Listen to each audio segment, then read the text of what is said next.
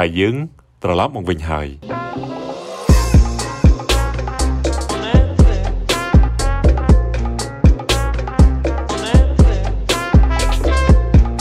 សួស្តីអ្នកទាំងអស់គ្នាខ្ញុំសានសែលហើយសូមស្វាគមន៍មកកាន់កម្មវិធី So Random ខ្ញុំសង្ឃឹមថាអ្នកទាំងអស់គ្នាសុខសប្បាយជាធម្មតាហើយសូមអរគុណដែលបន្តនិងកំពុងបើកស្ដាប់កម្មវិធីរបស់យើងដោយកម្មវិធីយើង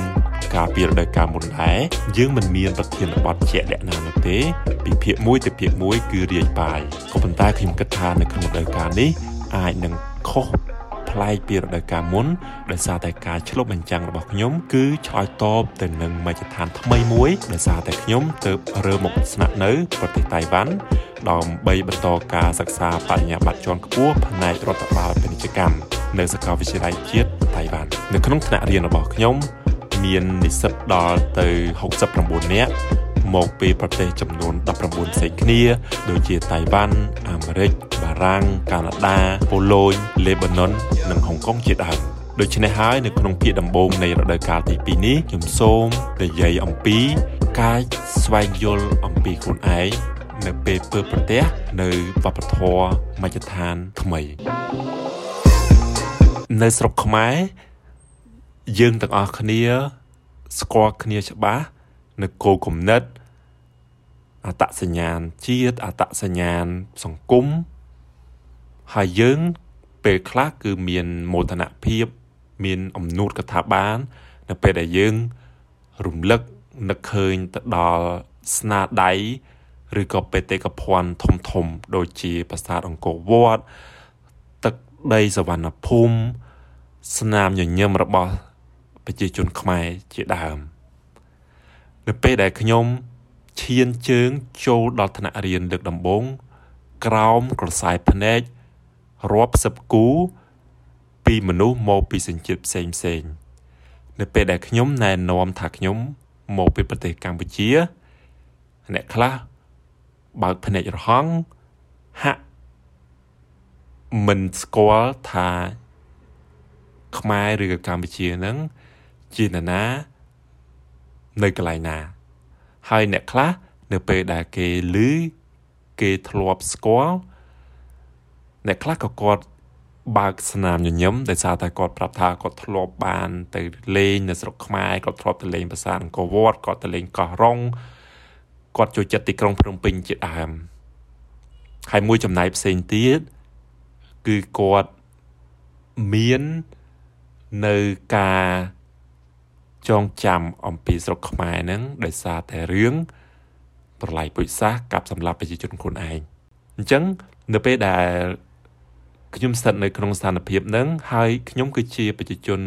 និស្សិតកម្ពុជាតែម្នាក់គត់នៅក្នុងថ្នាក់រៀននឹងនៅពេលហ្នឹងខ្ញុំគិតថាខ្ញុំមិនត្រឹមតែបំពេញតួនាទីជានិស្សិតចូលថ្នាក់រៀនទេប៉ុន្តែហាក់ដូចជាលីអំរែកធ្វើជាទូត តំណាងកម្ពុជាអញ្ចឹងអ្វីៗដែលខ្ញុំនិយាយអ្វីៗដែលខ្ញុំធ្វើសកម្មភាពកាយវិការតចរិតការគិតគុណិតផ្សេងផ្សេងខ្ញុំគិតថាខ្ញុំមិនត្រឹមតែតំណាងឲ្យខ្លួនឯងជាសែលទេប៉ុន្តែតំណាងឲ្យខ្មែរអញ្ចឹងប្រជាជនផ្សេងទៀតគេនឹងវាតម្លៃមិនត្រឹមតែខ្ញុំជាបុគ្គលប៉ុន្តែគេនឹងវាតម្លៃជារួមថាខ្មែរ កម្ពុជានឹងរបៀបម៉េចអញ្ចឹងហើយខ្ញុំព្យាយាមធ្វើម៉េចប្រឹងអស់សមត្ថភាពដើម្បីបង្ហាញអំពីចំណុចភាសាចំណុចពិសេសចំណុចខ្លាំងក្លារបស់ខ្មែរខ្មែរឬក៏កម្ពុជានឹងយើងបានដើរឆ្លងផុតយូរហើយនៅសោតនីតកម្មនៅទុកសង្រែងនៅភាពក្រីក្រ នៅភាពអាម៉ាស់នៅភាពបាត់បង់ផ្សេងផ្សេង ឥឡូវនេះយើងពួតដៃគ្នាហើយយើងរួមគ្នាយើងស្រាក់ដៃគ្នាដើម្បីកសាងសង្គមមួយ សម្រាប់យើងផងហើយនឹងសម្រាប់អ្នកចំនួនក្រោយ ហើយធ្វើម៉េចយើងអាចមានមុខមាត់ឈរស្មើគ្នាទន្ទឹមនៅលើឆាកអន្តរជាតិដូច្នេះហើយនេះគឺជាអ្វីដែលខ្ញុំគិតនៅពេលដែលខ្ញុំនៅក្នុងចំណោមនិស្សិតផ្សេងផ្សេងមកពីប្រទេសទាំងអស់ហ្នឹង នៅពេលដែលខ្ញុំនៅក្នុងចំណោមអ្នកផ្សេងហ្នឹងវាហាក់ដូចជាត្រូវបានគេសម្លឹងក្រោមខ្សែភ្នែកដែលគេមិនដែលស្គាល់យើងសោះដូចដែលយើងឃើញ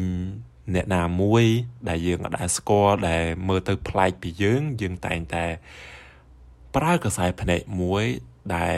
ខុសប្លែកពីធម្មតាបើនៅស្រុកខ្មែរយើងឃើញខ្មែរខ្លួនឯង ទោះបីជាយើងមានអត្តសញ្ញាណជាតិរួមមួយតិចឬក៏ច្រើនយើងនឹងប្រើនៅការវិនិច្ឆ័យពីក្បាលដល់ចុងជើងអញ្ចឹងកម្ពុជានៅក្រោមខ្សែភ្នែកបរទេសហ្នឹងខ្ញុំគិតថាអ្នកទាំងអស់គ្នាប្រហែលជាធ្លាប់ពើប្រទេសនឹងបទពិសោធន៍នឹងហើយនៅពេលដែលអ្នកទាំងអស់គ្នាមានមិត្តភ័ក្តិជាបរទេសឬក៏មានអ្នកធ្វើការជាបរទេសនឹងអ្នកខ្លះស្គាល់កម្ពុជាតាមរយៈភាពអសោចរបស់យើង ដូចជា នៅពេលថ្មីថ្មីនេះតៃវ៉ាន់គេតាមដានពីស្រុកខ្មែរយើងខ្លាំងមិនមែនដោយសារតែឱកាសវិនិយោគកំណើនសេដ្ឋកិច្ចឬក៏ការផ្លាស់ប្ដូររបបនយោបាយអ្វីទេ គឺគេចាប់អារម្មណ៍យើងដោយសារតែគេខ្លាចយើងគេរអាងយើងប្រជាជនតៃវ៉ាន់បានដឹងថានៅស្រុកខ្មែរគឺជាជំរកនៃការកេងប្រវ័ញ្ចមនុស្ស នៃការចាប់ជំរិតមានប្រជាជនតៃវ៉ាន់ជាច្រើនត្រូវបានគេលបួងលួងលោមឲ្យទៅធ្វើការនៅស្រុកខ្មែរដោយបានសន្យាថានឹងទទួលបានប្រាក់បៀវត្សច្រើន បានឱកាសការងារល្អនៅពេលដែលគេឈានជើងទៅដល់ដីខ្មែរគេត្រូវបានគេគុំខាំងនៅក្នុងបន្ទប់បិទជិតហើយបង្ខំឲ្យធ្វើការទាំងយប់ទាំងថ្ងៃគ្មានថ្ងៃសម្រាកច្បាស់លាស់ ការងាររបស់គេមិនមែនជាការងារប្រើជំនាញរបស់គេដែលគេមានស្រាប់នោះទេ គឺគេត្រូវរៀនជំនាញថ្មីមួយដើម្បីបោកប្រាស់កម្រិតខ្ពស់ការបោកប្រាស់បែបទំនើបនេះ គឺគេលបួងជនដែលមានប្រាក់ច្រើនហើយគេគេធ្វើម៉េច បង្ហាញថាខ្លួនគេនឹងគឺជាមនុស្សដែលអាចទុកចិត្តបាន ហើយគេនឹងទៅនិយាយជាមួយនឹងគោលដៅរបស់គេដែលភាគច្រើនមិនមែននៅក្នុងស្រុកខ្មែរទេគឺគោលដៅរបស់គេគឺនៅប្រទេសអ្នកមានដូចជាសិង្ហបុរីអាមេរិកឬក៏ប្រទេសផ្សេងផ្សេងអញ្ចឹងមានជនរងគ្រោះជាច្រើនត្រូវបានគេបោកប្រាស់បានសម្រេចតាមរយៈមធ្យោបាយនេះហើយអ្នក ដែលបោកប្រាស់ឬក៏បុគ្គលិកបោកប្រាស់ហ្នឹងភាកច្រើនដែលតាមរបាយការណ៍ព័ត៌មានហ្នឹងគឺគាត់ធ្វើដោយបង្ខំដោយសារតែគេគំរាមគាត់ គេធ្វើទនទនកម្មទៅលើគាត់ ហើយបើសិនជាគាត់មិនធ្វើតាមគេមានតែឈឺសាច់អញ្ចឹងនេះគឺជាជ្រុងមួយនៃកិត្តិនាមរបស់កម្ពុជា នៅក្នុងក្រសែភ្នែករបស់ប្រជាជនតៃវ៉ាន់មួយចំនួន ដែលបានដឹងអំពីស្រុកខ្មែរ មានរឿងរ៉ាវជាច្រើន ដែលខ្ញុំចង់ពំនាំពីស្រុកខ្មែរឲ្យពួកគាត់ដឹង ហើយក៏មានរឿងរ៉ាវច្រើនគួរសមដូចគ្នា ដែលពួកគាត់បានដឹងរួចហើយ តាមរយៈជ្រុងមួយ ដែលពួកគាត់បានដឹងតាមរយៈព័ត៌មានមិត្តភ័ក្តិជាច្រើនមានទាំងល្អមានទាំងមិនសូវល្អនៅពេលដែល គេនិយាយអំពីរឿងរ៉ាវដែលគេដឹងហ្នឹងខ្ញុំក៏ទទួលស្គាល់តាមរយៈឧបមាថាគេនិយាយពីរឿងការកេងប្រវ័ញ្ចអញ្ចឹងខ្ញុំ ខ្ញុំក៏ទទួលស្គាល់ថានៅស្រុកខ្មែរយើង ពិតជាមានព័ត៌មានអំពីការកេងប្រវ័ញ្ចខ្ញុំបានអានរបាយការណ៍ថ្មីថ្មីរបស់កាសែត The New York Times ដែលគេបានរកឃើញថាខ្មែរយើងនឹងស្រុកខ្មែរឥឡូវគឺជាជង្រុកនៃបណ្ដាញកេងប្រវ័ញ្ចបោកប្រាស់អន្តរជាតិដែលគេយកកម្ពុជានឹងគឺជាទីសម្ចតដើម្បីធ្វើប្រតិបត្តិការបោកប្រាស់នានាហើយ ដោយខាងសារព័ត៌មានកម្ពុជាហ្នឹងក៏គាត់បានធ្វើរបាយការណ៍អំពីការបោកប្រាស់នឹងដែរហើយបើសិនជាអ្នកទាំងអស់គ្នាសាក search Google ទៅនឹងឃើញថាស្ថានភាពបោកប្រាស់នៅក្នុងស្រុកខ្មែរយើងហ្នឹងគឺវាបានឈានដល់កម្រិតគួរឲ្យព្រួយបារម្ភមែនតែនអាហ្នឹងអឺខ្ញុំមិនអាចទៅបដិសេធខ្ញុំមិនអាចទៅខាំងទៅការពារថាអូមែនទេខ្ញុំអត់ខ្ញុំអត់មានទូនាទីអីទៅខាត់ការយកឃើញរបស់គេទេ ឥឡូវយើងសូមសម្រាប់បន្តិចសិនយើងនឹងជួបគ្នាវិញនាពេលបន្តិចទៀតនេះឥឡូវនេះកម្មវិធី So Random របស់យើងមាន website ផ្ទាល់ខ្លួនសូមចូលទៅកាន់ sorandomwithsansel.com website នេះនឹងផ្ដល់ជូនលោកអ្នកនៅការវិវត្តថ្មីៗនៃកម្មវិធី So Random របស់យើងហើយលោកអ្នកក៏អាចស្ដាប់ដោយផ្ទាល់នៅកម្មវិធី So Random នៅលើ website នេះផងដែរពិសេសជាងនេះ យើងបានបង្កើតកម្មវិធីថ្មីមួយឈ្មោះ The Journal ដែលជាកម្រងអត្ថបទនិងរូបភាពរៀបរាប់អំពីដំណើរនិងសង្គមនានាសូមលោកអ្នកចូលទៅកាន់ sorandomwithsansel.com អញ្ចឹងអ្វីដែលខ្ញុំធ្វើហ្នឹងគឺខ្ញុំមានតែទទួលស្គាល់ថាអូយើងពិតជាមានអញ្ចឹងមែនប៉ុន្តែវាគ្រាន់តែជាផ្នែកតូចមួយនៃកម្ពុជាឯង យើងមិនបោកប្រាស់មកប្រទេសអញ្ចឹងឯងប្រជាជនយើង ជាពិសេសយុវជនចំនួនក្រោយហ្នឹងដោយសារស្រុកខ្មែរយើងហ្នឹងគឺប្រជាជនជាង50%មានអាយុក្រោម35ឆ្នាំអញ្ចឹងប្រជាជនយើងហ្នឹងគឺឥឡូវគឺយើងមានសក្តានុពលយើងមានសមត្ថភាពទទួលបានការអប់រំច្រើនជាងមនុស្សចំនួនមុនទទួលបានព័ត៌មានទទួលបានការយល់ដឹងអំពីពិភពខាងក្រៅនឹងបានទូលាយជាងមុនតាមរយៈអ៊ីនធឺណិត អញ្ចឹងខ្ញុំបានប្រាប់ពួកគេអំពីអូអឺឥឡូវហ្នឹងសេដ្ឋកិច្ចរបស់យើងហ្នឹងគឺយើងមានស្ថិរភាពយើងមានកំណើនគួរឲ្យកត់សម្គាល់ហើយវាមានឱកាសជាច្រើនក្នុងការចាប់យកកំណើនហ្នឹងតាមរយៈការទៅវិនិយោគនៅស្រុកខ្មែរតាមរយៈការបើកអាជីវកម្មផ្សេងផ្សេងហើយយុវជនយើងឥឡូវហ្នឹងគឺគាត់មានសមត្ថភាពក្នុងការប្រើប្រាស់បច្ចេកវិទ្យាក្នុងការបង្កើតអាជីវកម្មរបស់ខ្លួនឯងផងដែរ ហើយប្រជាជនយើងហ្នឹងគឺយើងយើងរាក់ទាក់យើងស្វាគមន៍បរទេសណាឲ្យតែឃើញបរទេសហ្នឹងគឺយើងដូចបានមាសមកដុំមកអញ្ចឹងយើងត្រេកអរយើងសប្បាយយើងញញឹមដាក់បរទេសហើយបើសិនជាបរទេសចេះនិយាយភាសាខ្មែរមួយម៉ាត់ពីរម៉ាត់ដូចសួស្ដីអរគុណជំរាបសួរអីផងហ្នឹងខ្មែរយើងហ្នឹងគឺរំភើបនឹងរកអីប្រៀបបានហើយយើងតែងតែកសោបតែងតែបើកទៅបើកចិត្តទទួលយកនៅបរទេសហ្នឹងអញ្ចឹងខ្ញុំប្រាប់ពួកគាត់ថា មកស្រុកខ្មែរមកយើងទទួលស្វាគមន៍ស្រុកខ្មែរយើងផ្ដល់ស្នាមញញឹមយើងផ្ដល់ឱកាសវិនិយោគយើងផ្ដល់ឱកាសការងារនៅស្រុកខ្មែរយើងនឹងគឺវាស្រួលរស់នៅដោយសារតាទំនិញហ្នឹងបើសិនជាអ្នកមកពីអាមេរិកមកពីប៉ូឡូយហ្នឹងខ្ញុំបានទៅជែកជាមួយគាត់រឿងតម្លៃនៃការរស់នៅថ្លៃនៃការរស់នៅហ្នឹងគឺវាថោកជាងអ្វីដែលគាត់ធ្លាប់ចំណាយនៅប្រទេសគាត់ហ្នឹងហើយយើងមានយើងយើងមានឆ្នេរយើងមានធម្មជាតិយើងមានព្រៃភ្នំ យើងមានខាងបុរាណដ្ឋានដោយភាសាអង្គរវត្តឬក៏ភាសាផ្សេងផ្សេងហ្នឹង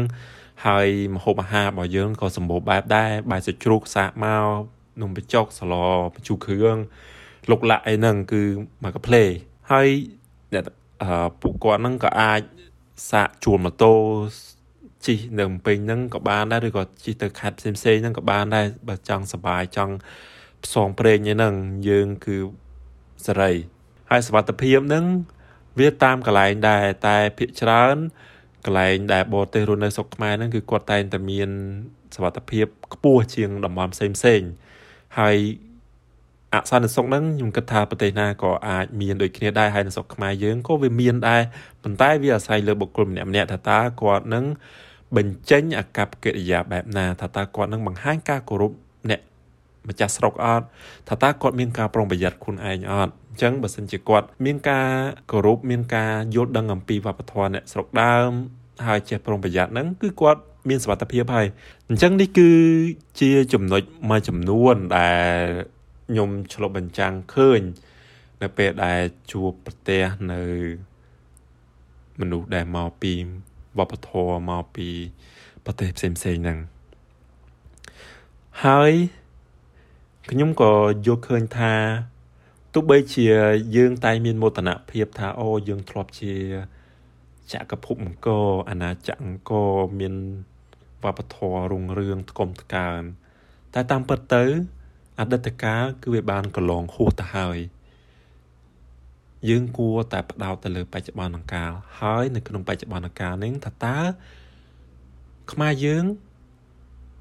ស្ថិតនៅកម្រិតណានៅត្រង់ណានៅក្នុងឆាកអន្តរជាតិនៅក្នុងកសែភ្នែកអន្តរជាតិនៅពេលដែលយើងជាខ្មែរយើងប្រស្រ័យតាក់ទងយើងជួបជាមួយនឹងមនុស្សផ្សេងផ្សេងនៅក្នុងឆាកអន្តរជាតិនឹងយើងអាចប្រកាន់មោទនភាពជាពូជអ្នកចម្បាំងអង្គឬក៏ទឹកដីសវណ្ណភូមិអីបានទេយើងមានតែប្រើប្រាស់នៅសមត្ថភាពនៅចំណេះដឹងការគិតបើកទូលាយដើម្បីយើងអាច ចូលចុះជាមួយនឹងគេបានហើយនៅពេលដែលចូលចុះហ្នឹងមនុស្សមកពីផ្សេងផ្សេងហ្នឹងគឺគាត់ដូចជានៅប្រទេសខាងអឺរ៉ុប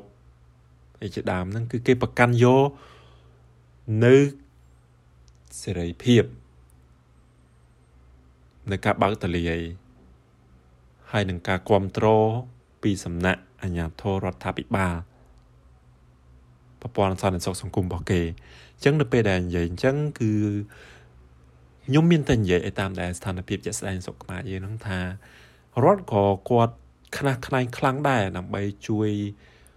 លើកតម្កើងជីវភាពរបស់ប្រជាជននឹងហើយវាមានចំណុចខ្វះខាតមួយចំនួនប៉ុន្តែយើងកំពុងតែព្យាយាមកែប្រែដូចជាស្ថានភាពពុករលួយស្ថានភាពបពុនិយមអីជាដើមនឹងប៉ុន្តែ ខ្ញុំប្រាប់ពួកគាត់ថានៅក្នុងប្រទេសណាក៏វាមានដែរអញ្ចឹងវាតិចឬក៏ច្រើនទេទោះបីជាយ៉ាងណាក៏ដោយនៅពេលដែលឃើញអ្នកផ្សេងគេមានការគិតចេះដឹងច្រើនខ្ពង់ខ្ពស់គេនិយាយអំពីស្ថានភាពរបស់ប្រទេសគេនេះជាដើមហ្នឹងខ្ញុំគិតថាខ្ញុំនៅឈរជាប់ជាមួយនឹងសត្វផែនដីដោយសារតែខ្ញុំមាន ឫសគល់របស់ខ្ញុំខ្ញុំដឹងថាឫសគល់របស់ខ្ញុំនឹងមកពីណាខ្ញុំជាខ្មែរពូជសាសន៍របស់ខ្ញុំនឹងធ្លាប់រុងរឿងមនុស្សរបស់ខ្ញុំនឹងពូជអម្បូររបស់ខ្ញុំនឹងគឺស្មោះត្រង់យើងប្រកាន់យកប្រយោជន៍រួមជាធំ ជាជាងប្រយោជន៍បុគ្គលផ្ទាល់ខ្លួនហើយខ្ញុំមានអត្តសញ្ញាណវប្បធម៌ដែលឡែកអញ្ចឹងរឿងរ៉ាវទាំងអស់ហ្នឹងដែលដែលខ្ញុំពើប្រទះ នៅការជួបលើកដំបូងក្នុងចំណោមមិត្តរួមថ្នាក់ជាង19ប្រទេសហ្នឹងបើសិនជាយើងបានយល់ដឹងអំពីខ្លួនឯងអំពីភាពរួមរបស់ជាតិយើងទាំងបច្ចុប្បន្នកាលនិងអតីតកាលយើងនឹងមានអារម្មណ៍ថាយើងនឹងមូលណែន យើងនឹងដឹងថាខ្លួនយើងជានរណា យើងមិនចាញ់ច្រាបយើងនឹងមិនរំភើបអួតអាងហួសហេតុពេកអំពីភាពជាខ្មែររបស់យើងនឹងការយល់ដឹងអំពីខ្លួនឯងហ្នឹងខ្ញុំគិតថាវាមិនទាន់គ្រប់គ្រាន់ទេ យើងក៏ត្រូវយល់ដឹងអំពីអ្នកផ្សេងដែរខ្ញុំបានចូលរៀនថ្នាក់មួយហ្នឹងគេបញ្យល់អំពីគេហៅថា DEI diversity equity and inclusion ភាពចម្រុះសមធម៌ហើយនឹងភាពដែលឡែកពីគ្នាគឺចង់និយាយអំពីការមនុស្សម្នាក់ម្នាក់ហ្នឹងគឺមានភាពដែលឡែកឡែកពីគ្នាមិនមាន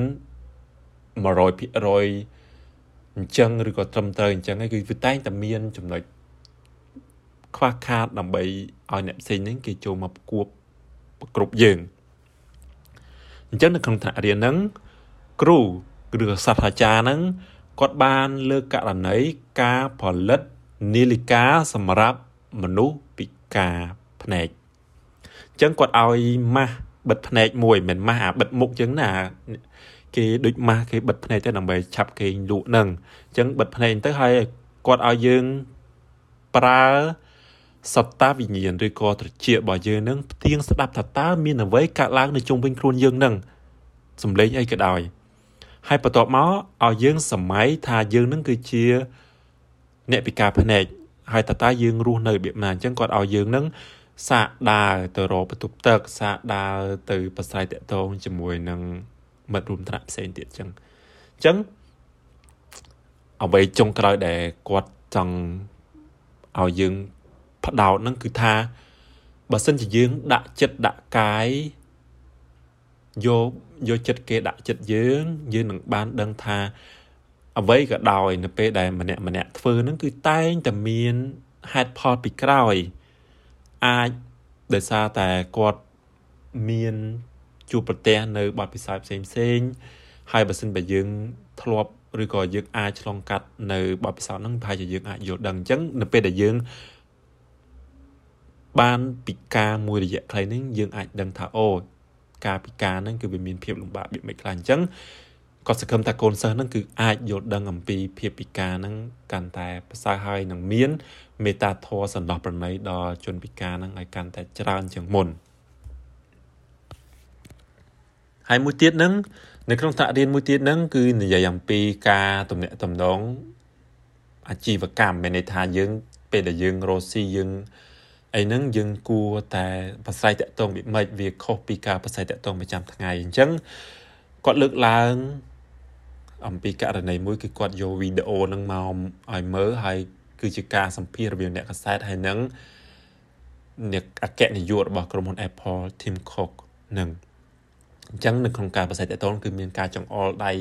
ការឆ្លើយតបផាំងផាំងទៅវិញទៅមកអញ្ចឹងណា ហើយគាត់សួរសិស្សនៅក្នុងថ្នាក់នោះថាតើយល់របៀបមិនដែរអញ្ចឹងកូនសិស្សមកពីវប្បធម៌ផ្សេងគ្នាអញ្ចឹងសម្រាប់ប្រចាំប្រទេសឬក៏លោកខាងលិចដោយអាមេរិកអីហ្នឹងគឺគេគិតថាការដែលឆ្លើយភងផាំងភងផាំងទៅហ្នឹងគឺវាជាការសន្តានាដែលបើកចំហគឺជាធម្មរឿងធម្មតាហើយការចង្អុលដៃចង្អុលមុខឲ្យដាក់គ្នាហ្នឹងគឺជារឿងធម្មតាក៏ប៉ុន្តែកូនសិស្សផ្នែកអាស៊ីយើងវិញគឺយើងគិតថានៅអាស៊ី ពេលដែលយើងនិយាយគ្នាគឺយើងអត់ចង្អុលដៃចង្អុលមុខគេអញ្ចឹងទេគឺគេហៅថាឆ្លើយហើយក៏យើងអត់ទៅនិយាយកាត់ភុងផាំងហើយយើងតែងតែមានរបៀបសង់តង់អីណានៃអញ្ចឹងទៅណែនងអញ្ចឹងទៅអញ្ចឹងវប្បធម៌ផ្សេងគ្នាហ្នឹងគឺយល់ផ្សេងគ្នាអំពីអេតិយាប័តនៃការគោរពនឹងអញ្ចឹងអ្វីដែលសំខាន់ហ្នឹងគឺយើងយល់បរិបទ ស្រុកទេសដែលយើង ទៅនឹងឬក៏មនុស្សដែលយើងប្រស័យតាក់ទងនឹងអញ្ចឹងខ្ញុំគិតថានៅក្នុងភាគនេះគឺខ្ញុំចង់បញ្ចប់ត្រឹមនេះហើយ